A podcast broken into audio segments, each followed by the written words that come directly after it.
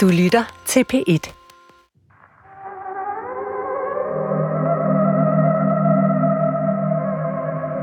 På en stol mellem fire forsvarsadvokater i et retslokale i Virginia sidder El Shafi El Sheikh.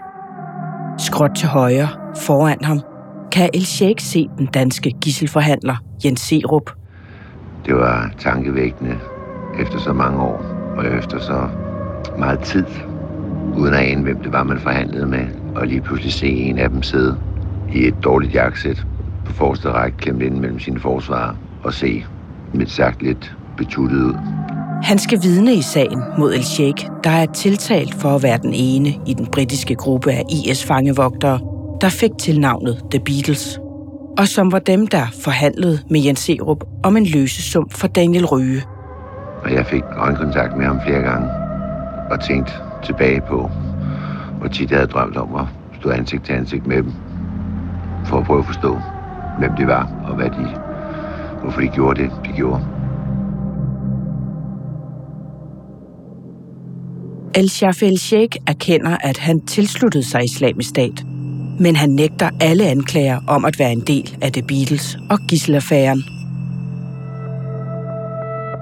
Spørgsmålet om, hvorvidt El-Sheikh stod bag gisseltagningerne, torturen og de koldblodige henrettelser, som foregik i den syriske ørken, skal afgøres på 9. sal med udsigt over Alexandria. Hver morgen lyder det, The United States government against al-Shafi al-Sheikh. The entire United States government remains committed to bringing to justice anyone who harms our citizens. Det mest i øjenfaldende i retslokalet er de fire reserverede tilskuerrækker. Her sidder familierne og de pårørende til de myrdede gisler. En slags de efterladtes bænk, hvorfra de i løbet af retssagen lytter til 35 vidner, der hver især skal spæde til det samlede billede af, hvad der skete i islamisk stats fangekælder. Flere af de pårørende, der sidder på de reserverede rækker, fik ligesom Kjeld og Susanne Ryge i Hedegaard tilsendt e-mails, hvor fangevogtere krævede en enorm løsesum i bytte for gislernes frigivelse. ISIS has threatened to execute her unless they pay ransom of more than $6 million or the U.S. releases a certain high-profile prisoner. Men der var en stor forskel. For imens Daniel Ryges forældre igennem måneder indsamlede løsesummen på 2 millioner euro, så de kunne få Daniel fri, så forbød en amerikansk lov, at familierne til de amerikanske gisler på samme måde måtte forhandle med fangevogterne. Derudover krævede The Beatles fangeudvekslinger, som den amerikanske stat aldrig ville gå med til. We don't either negotiate or uh, make exchanges or pay ransoms. We think that uh, uh. Nu skal familierne så overvære retssagen mod en af de formodede fangevogtere. Og nu er der gået. Nu er der gået næsten otte år. Og det er stadigvæk en historie, der er jo ikke færdig endnu. Spørgsmålet er, om sagen kan give dem den closure, som de har higet efter i otte lange år. Men hvor ville det have været rart, hvis at den samme energi også var blevet brugt, da han var i live. Og det skal afgøres, om El Shafi El Sheikh er skyldig i anklagerne. For det viser sig, at ikke et eneste vidne kan pege ham ud som en af mændene fra The Beatles. Det her er femte episode af Opgøret. De efterladte.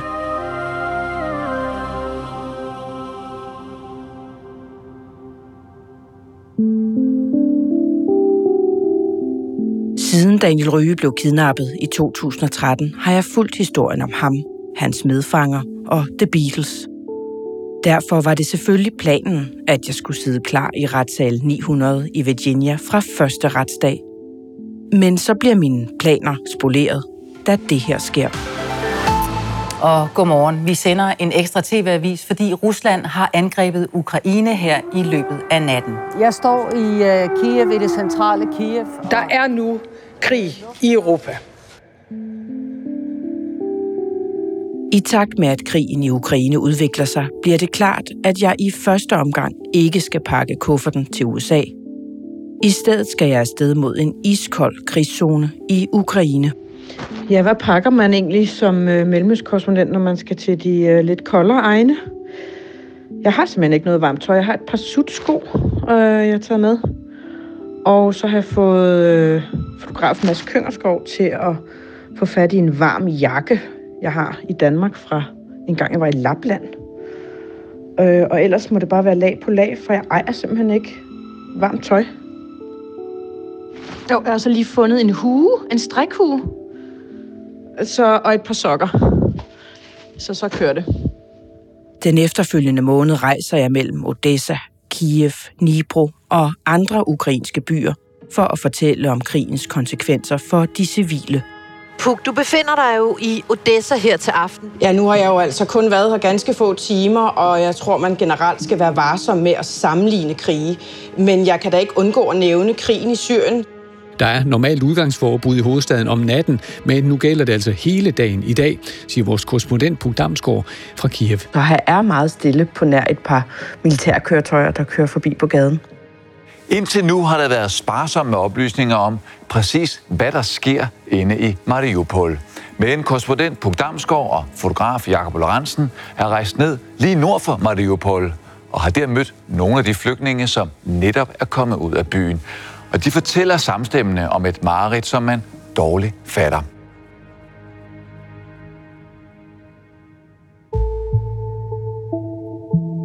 Imens går retssagen i gang i USA.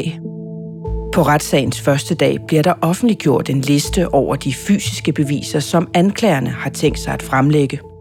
Listen er lang og rummer alt fra satellitfotos af den syriske ørken til videoer af gisler, der bønfalder den amerikanske stat om en fangeudveksling. Jeg kan se, at en række af Jens Serups og Røgefamiliens e-mails optræder på listen. Surely after viewing the footage and photos, you will have an increased appreciation for the severity of the situation, Wolfstein. Det samme gør 19 klip og sekvenser fra Sean Lankens interview med El Sheikh. And then uh, Imwazi just shoots the guy and then takes the camera and starts uh, taking photos of them.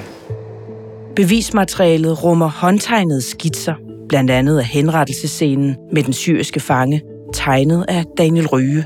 En af de her Beatles folk råber, nu vær med at tage din sædel, Daniel, fordi så smadrer vi dig.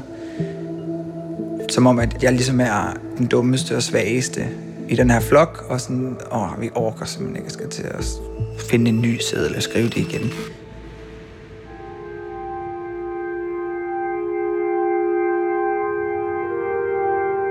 Retsopgøret mod El Shafel Sheikh begynder den 29. marts 2022. På traditionel amerikansk maner begynder sagen med en juryudvalgelse. Her har både anklager og forsvar mulighed for at stille jurymedlemmerne spørgsmål. For eksempel om de har en holdning til ordet jihad, eller om de har familie, der har været offer for terror, og de kan på baggrund af deres svar løbende diskvalificeres. Målet er at sikre de mest objektive jurymedlemmer. Det er disse almindelige mennesker, der bestemmer, hvorvidt El-Sheikh er skyldig eller ej.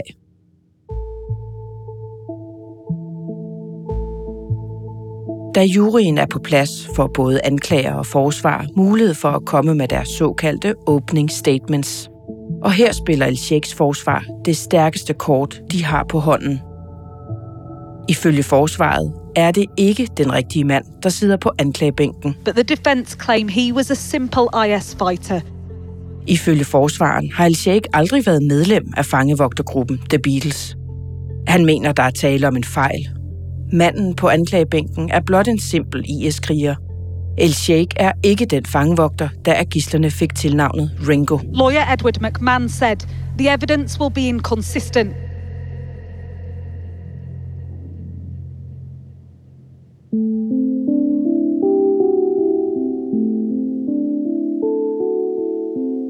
Efter forsvaren og anklagerens indledende bemærkninger begynder afhøringen af vidnerne.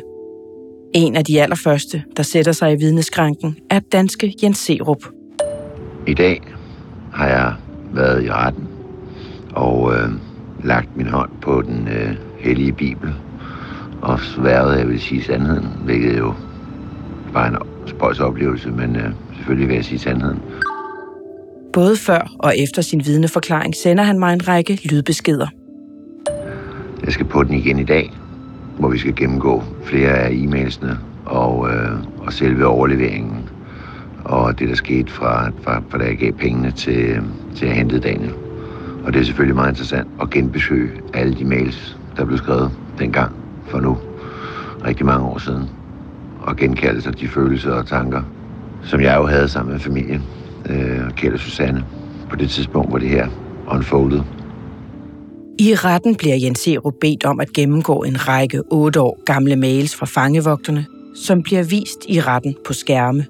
Jeg har meget god erindring om tingene, og øh, det er meget tankevækkende, at efter at have haft så mange gisselsager, som jeg har haft, så er det første gang, at jeg oplever, der er closure på en sag, og at de mennesker, der har, der har stået bag gidseltagningen, bliver, bliver holdt ansvarlige og faktisk straffet for det, de har gjort.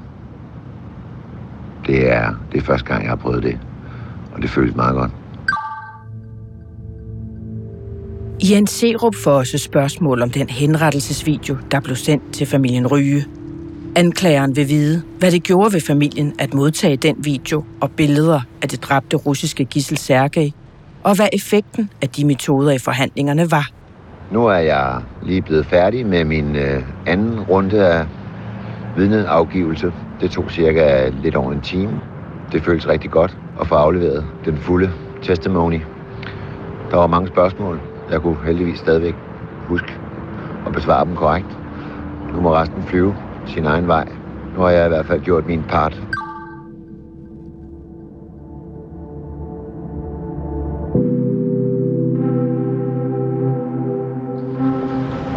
Så er jeg ankommet til Alexandria i Virginia. Og det er sådan en uh, sleepy town. Da retssagen har været i gang i en uge, er jeg endelig ude af Ukraine og lander i USA. Jeg kan ikke lade være med at tænke på, om indbyggerne her ligesom ved, at der foregår en retssag mod El Shaf El Sheikh. Og at der hver dag er mennesker, der sidder i retssalen og fortæller om forbrydelser begået i Syrien af islamisk stat. Så er jeg på vej over foran retsbygningen.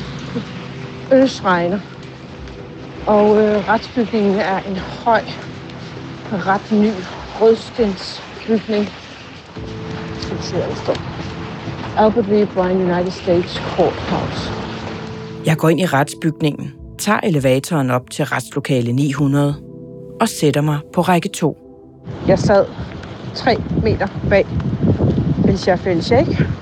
I dag var han klædt i, hvad der lignede nystrøget marineblå skjorte, sorte bukser og meget blankpolerede sorte sko. Det bliver min første af i alt fem dage i retten. Noget, der var interessant, det er ikke, man behøver ikke at bære maske i, øh, i retten.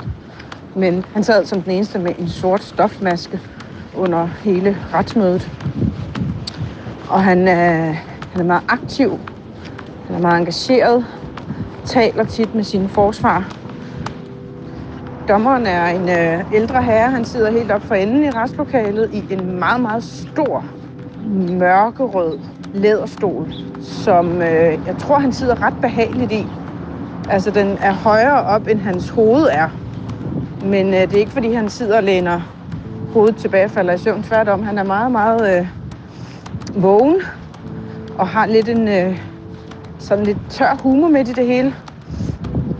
På et tidspunkt så øh, argumenterer anklageren for, hvorfor at en del af bevismaterialet også er Britten Emwasi, der slår to japanske gisler ihjel. Og så skulle anklageren fortælle, hvad man ser på den video, i stedet for at vi skulle se videoen. Og øh, så fortæller han så, at øh, jamen, der sidder to japanske gisler, og så er der så Emwasi, ham vi kender som Øh, Jihadi John, som står og fortæller, som han også gør på videoerne med de britiske og amerikanske gisler. Og så bryder dommeren ind og siger, Yes, and let me guess. Did they have orange clothes on? Altså, han bryder simpelthen ind og siger, mm, lad mig gætte, havde de, havde de orange tøj på?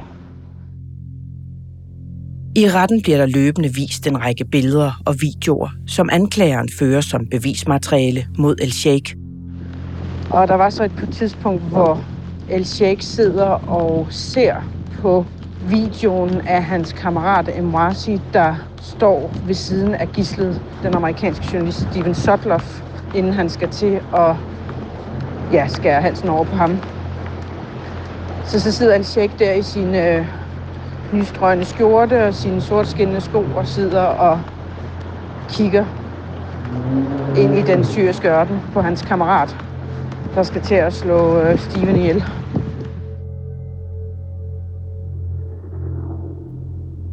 På en af de forreste rækker, der er reserveret til gislernes familier, sidder netop Steven Sotloffs forældre, Shirley og Art.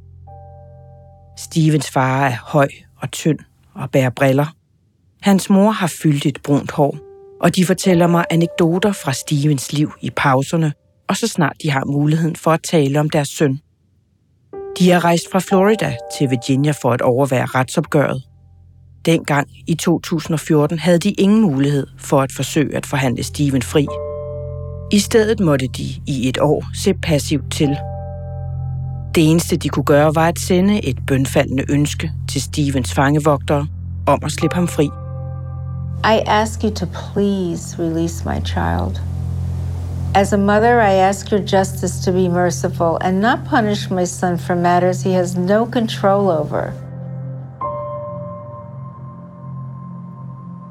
Amerikansk lov forhindrer, at amerikanere må give penge til terrororganisationer, også selvom det foregår udenom staten. I stedet forsøgte USA at befri de amerikanske og britiske gisler i en amerikansk militæraktion. Det skete få dage efter, at Daniel Ryge blev forhandlet fri og havde forladt fangenskab. Men militæret kom for sent. Da øh, amerikanske specialstyrker ankommer, så er de resterende britiske og amerikanske gisler, de er simpelthen øh, væk.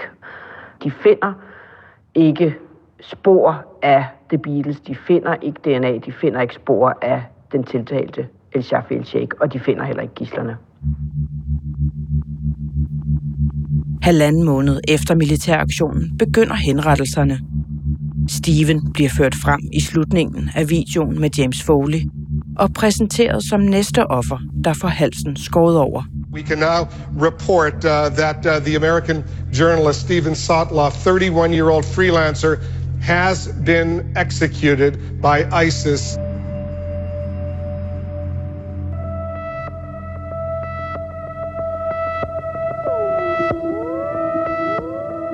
Da jeg endelig ankommer til retten i Virginia, har familierne til de dræbte allerede været igennem syv udmattende retsdage. Her har de overvejet tidligere gisler berette om frygt, kummerlige forhold og torturmetoder. Den italienske hjælpearbejder Federico Motka har fortalt, hvordan The Beatles var besat af tanken om at genskabe forholdene fra Guantanamo for deres egne fanger. Gislerne skulle klædes i orange fangedragter, og som gengivelse af Guantanamos metoder udsættes for torturmetoder som waterboarding og elektrisk stød. Federico Motka fortæller, at de enkelte Beatles-medlemmer havde deres forkærlighed for en særlig type underholdning. De blev placeret i hold af to, som skulle dyste mod hinanden. Deres underernærede kroppe skulle slås, indtil de besvimede eller ikke længere kunne stå. Blandt andet fortæller han, at netop Ringo var særlig vild med at se fangerne bryde og lægge hinanden i hovedlås. Et andet tidligere gissel, den franske journalist Nicolas Henning, fortæller, at fangevogterne lavede deres egen udgave af sangen Hotel California, kaldet Hotel Osama, hvor gislerne blev tvunget til at synge You will never leave, and if you try, you will die, Mr. Bigley Style. Med henvisning til den britiske ingeniør Bigley, der blev halshugget i Irak af al-Qaida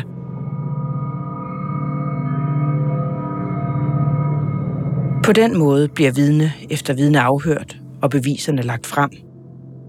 Og på tilskuerrækken må Shirley og Art Sotloff også lægge øre til, at et vidne beskriver billedet af deres søn, der bliver præsenteret for juryen, men som ikke bliver vist i salen. Vidnet bliver spurgt, hvad fotoet viser, og svarer Steven Sotloffs hoved mellem Steven Sotloffs skulderblade.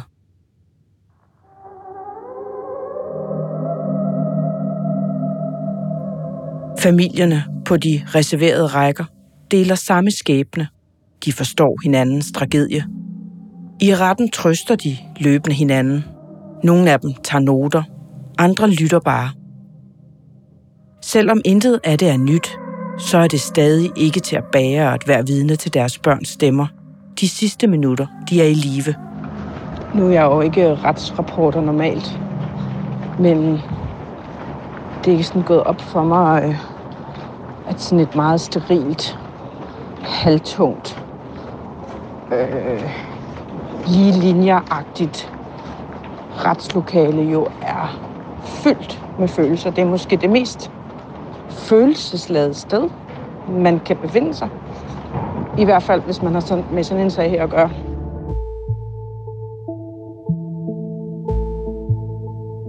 I retten bliver der nu ført et nyt vidne ind. I dag blev Yazidi-kvinden Lia Muller også afhørt. En Yazidi-kvinde, der blev taget til fange af islamisk stat, og som var tvunget til at leve som slave med islamisk stats øverste leder, kalifen Abu Bakr el-Baghdadi. Pointen med øh, Yazidi-vidnet er, at hun øh, på et tidspunkt møder øh, det amerikanske gissel Kayla Møller, og øh, de kommer så til at bo hos øh, et andet højtstående IS-medlem, Abu Sayyaf, som amerikanerne senere laver et raid på. Og i det hus, Abu Sayyaf har, det kalder de The Dirty House fordi at det er så her, islamisk stats øverste leder, øh, ifølge øh, Lea, kommer over og flere dage tager øh, Kella Møller ud om aftenen og tilbage om morgenen, og hvor hun kan forstå på Kella Møller, at han har øh, voldtaget hende.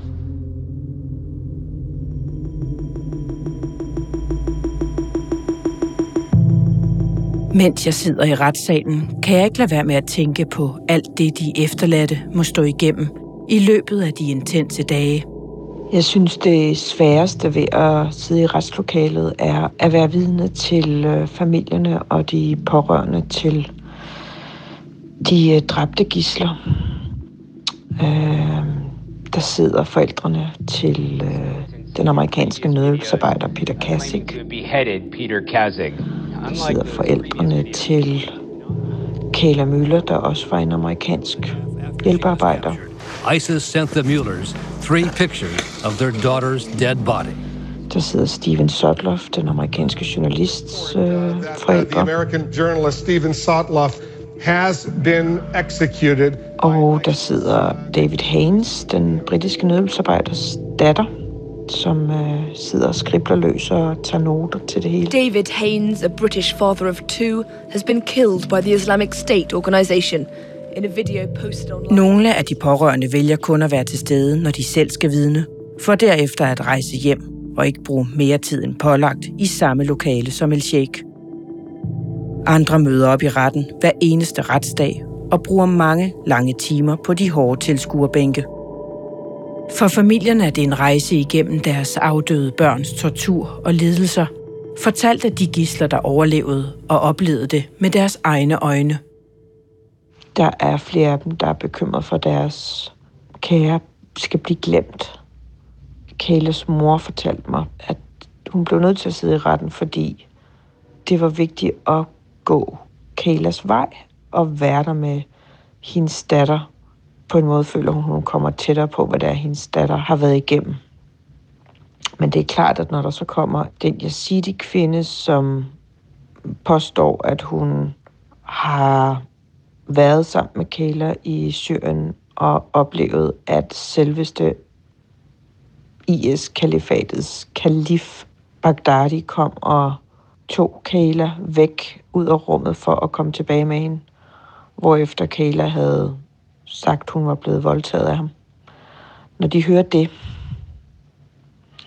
så forstår jeg godt, det hele, øh, det hele bliver lidt for meget.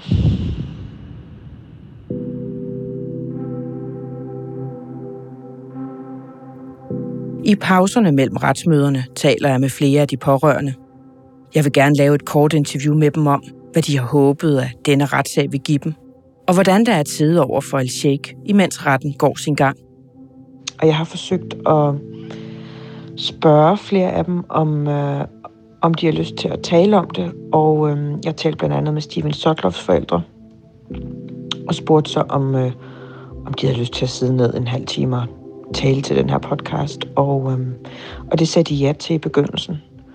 Men dagen efter, så kunne de simpelthen nok ikke overskue det. De var fuldstændig udmattet. Øh, det hele sidder. Og den closure, de havde regnet med, de fik, har de i hvert fald ikke fået endnu af den her retssag. Fordi det er et sorg, der ikke vil hele, og det sorg bliver lige nu flået op igen. Jeg bliver bevidst om, at der måske ikke findes den closure, de efterladte havde håbet på. Nogle af dem er ved at gå til at had og afmagt. Andre spørger, hvorfor El Sheikh dog ikke har orange fangedragt og håndjern på.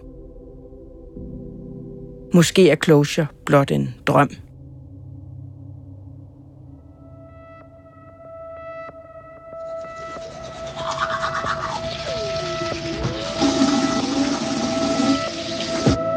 Godmorgen. Jeg er lige stået op. Jeg gør mig klar til at skåre i retten. En af retsdagene er jeg særligt nysgerrig. Jeg får nemlig en mail fra retten, hvor i der står, at der kommer et indtil videre hemmeligholdt vidne, og at retten forventer, at den her vidneafhøring bliver, citat, meget unik. Og det vi har fået at vide er, at øh, det bliver kort, som man vil anbefale, at man er i retten sharp. For det skal vise sig, at vidnet har mødt El Shafel Sheikh inde i Syrien i årene efter, at gislerne blev henrettet. Han er måske et vindue til en ellers mørklagt periode. Mere om det vidnes fortælling i næste episode.